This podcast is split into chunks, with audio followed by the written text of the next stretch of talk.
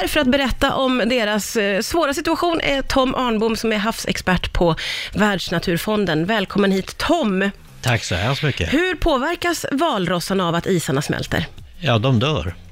Och vad är det som gör att, va- varför kan de inte klara sig på land istället? Ja, det är ju så att de vill ha havsis, så här ligger de på isen, speciellt mammor med ungar, och dyker ner på botten och äter, så går de upp och så lämnar de ungen ett tag där. Okej. Och så går de ner igen. Men vad som har hänt är när isarna smälter undan sommartid nu, havsisen, så har de ingenstans att vila på. Då går de i land och eh, det är lite dumma är att då går de i land i stora flockar. Hur stora är flockarna? Alltså de största är upp till 100 000, men, men de som det är problem med är de som ligger mellan 20 och 40 000 normalt. Okej, det är enormt många som ska ta sig upp på land då. Ja, så att det, är liksom, det kommer upp några på stranden, så väller det mer och mer och det här är stora djur. De största kan väga nästan två ton. Ja, det, det, det är som stora personbilar ungefär. Ja.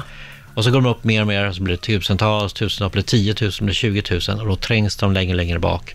Och när de är på land så är de väldigt nervösa. Okej, de gillar inte att vara uppe på landsmassa. Ja, de, de gillar att ligga där i små grupper, men så här många. Och så att det blir någon orolig, så blir det panik som utbryter av något slag och så ska alla ner i vattnet samtidigt och då trampar de ihjäl ungar och äldre djur. De Ja. kommer inte undan, det är som en ångvält som bara väller över. Så då stryker jättemånga med när de ska ner igen? Ja, framförallt ungarna som drabbas av de här stora hannarna framförallt som springer över dem. Ja. Eh, så det, det här är ett av de problem som är nu. Ja, eh, det har ju kommit en serie på Netflix som har liksom uppmärksammat det här väldigt mycket, eller fått mycket uppmärksamhet kring det. Eh, den heter Our Planet och, och eh, jag har sett klipp från den att valrossarna trängs, trängs upp in, långt in på land och upp på höga klippor.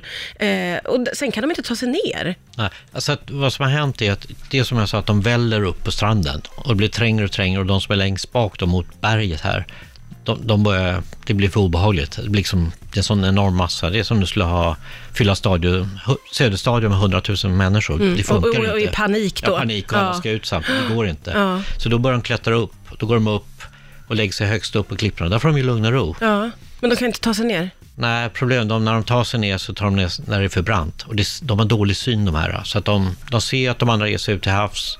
Då ska de också ge sig ut till havs och käka och då börjar de rulla ner. Det, är det är väldigt otäcka klipp i den här serien med stora valrossar som liksom Ja, de, de, voltar ner för de klippan. voltar ner och så krossas de och så Ja. hamnar, ligger de döda där nere Ja. på stranden. Ja, det är, alltså, för mig, jag är ganska rutinerad, jag har sett mycket sånt här, men det här, Ja. det här var det värsta. Det, är, det är väldigt eh, känslomässigt faktiskt. Vi pratar om eh, att valrossarna far väldigt illa av att isarna smälter. Eh, och det här var ju någonting som du upptäckte redan 2007. Va, vad var det du såg då? Ja, jag åkte dit till östra Ryssland, det är liksom det är långt bort, mm. Chukotka. Det, är. eh, och jag skulle upp till en liten by där för att titta på när isbjörnarna vandrar förbi på vintern. Det är liksom det som våra vårfåglar som kommer på våren, men här är isbjörnar och det vandrar hundratals förbi vissa byar. Eh, så vi landade och det var liksom jättefint väder, det är så fint, alltså minus, minus 25, packisen ligger ut där, allt var yes, snart kommer isbjörnarna.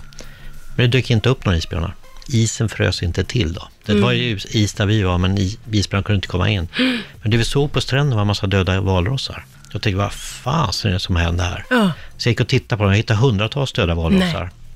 Men, eh, och det var inga levande någonstans. De hade, så jag pratade med lokalbefolkningen, tjuktjerna då. Så att eh, de sa att här, bara för några månader sedan var det 40 till 50 000 valrossar i, här, i vårt by här. De hade kommit upp, ingen vet varför, men anledningen var att det fanns inte någon is. Men Havsisen gud. hade frusit av 2007. Ja. Så att då kom de upp på land eh, och där hade de alltså klämts ihjäl. ja, det du berättade om Ja, innan, att det alltså blir liksom tumult. Panik, panik och, ja. så sticker de ut till havs.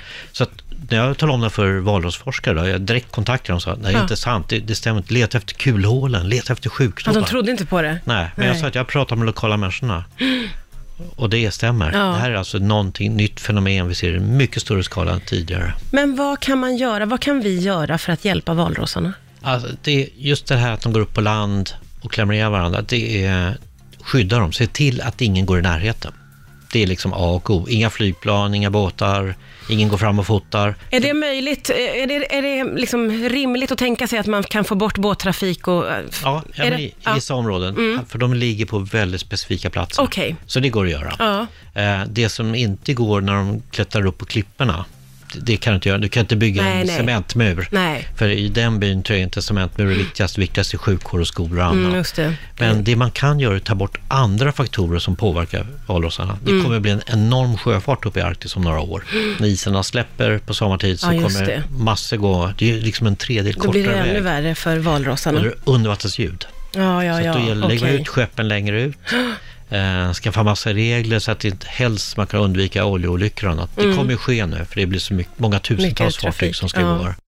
Vilka mer drabbas av att isarna försvinner? Ja, jag tycker en av de som en doldis som ingen har hört talas om, det är grönlandssälen. Det är en säl som, den här som man klubbade för jättemycket. ja. Fick jättemycket uppmärksamhet. De föder sina kutar eller ungar på isen utanför Kanada. Eh, och där dör det varje år en halv miljon minst ungar Oj! på grund av klimatförändringarna. Ja, det har jag inte hört någonting Nej, om. det vet knappt någon om i Kanada heller. Det är alltså de föder ungarna på isen, isen bryter upp för det smälter tidigare och då ramlar ungen i vattnet och den har inget fett. Nej, vad hemskt. Så den dör av kyla och eh, klarar inte av att simma för den Ja. var några dagar gammal. Åh gud vad sorgligt. Men så det här är något som sker nu. Det är ingenting i framtiden. Nej. Nu det sker. Ja, och eh, för mig och för många av oss så känns det här som eh, självklar fakta. Men eh, när man börjar prata om sånt här så finns det de som ifrågasätter. Jag fick ett mejl eh, precis innan du kom här eh, från någon som menar att det här är lögn. Det går ingen nöd på isbjörnarna och det här är lögnkampanjer. Vad säger du om sånt? Ja, Att eh, det klimatförändringar sker i Arktis, det, det är liksom ingen strunt. Det sker. Det varierar mellan olika hur mycket is det är, men det, det, trenden är ner. 75 procent av isens volym har försvunnit. Det är helt enormt. Mm. Ja, det är otroligt gigantiska mycket. mängder. Ja, det är det mesta. Ja, Ja. sen med, med att titta på isbjörnen då, så att eh, det finns runt 25 till 30 000 isbjörnar. Ja. De som bor mest sydligt av dem har börjat minska. De går ner i vikt, de föder färre ungar, de dör tidigare. Man ser trenderna. Mm. Om man räknar inom en generation eller fram till 2050 så är en tredjedel borta. Ja, okej. Och det är för att deras jaktmarker försvinner när de hittar maten. De är Mm. urdåliga jägare på land. Men det Va- finns en lösning, långsiktig lösning. Vad kan det det vara? Så kan, det vill man ju verkligen höra, för jag känner att jag tappar hoppet lite, Tom, när vi det, pratar. fin- det finns alltid hopp och det går alltid fixa. Så att jag ser, det jag skulle satsa på om jag var direkt, om jag var politiker eller företagare eller bor själv, använd mindre br- fossila bränslen. Bort med bensin, bort med diesel. Det finns teknik, bort med olja. Mm. Det finns teknik idag. Det kostar pengar att ställa om, men det ger massa nya jobb. Men det kan göra att vi får en mycket trevligare planet för våra barnbarn. Mm, så hoppet, eh, det finns, menar du? Ja, det kommer, vi kommer klara det, utan tvekan, men vi kommer göra för sent, så att vi kommer tappa mycket på vägen. Ja, just vi det, så- tappa mindre om vi satte igång idag. Ja, ja, men men det, det är så långt gånget att vi får räkna med att vissa arter försvinner och sådana saker tänker du på? Ja, att, utan tvekan. Och vi, det här handlar om vår matförsörjning i framtiden. Det är Ja. vårt syre. Det är det det handlar om. Det handlar Ja. inte liksom om en valross, det handlar om vår framtid. ja, det gör det verkligen.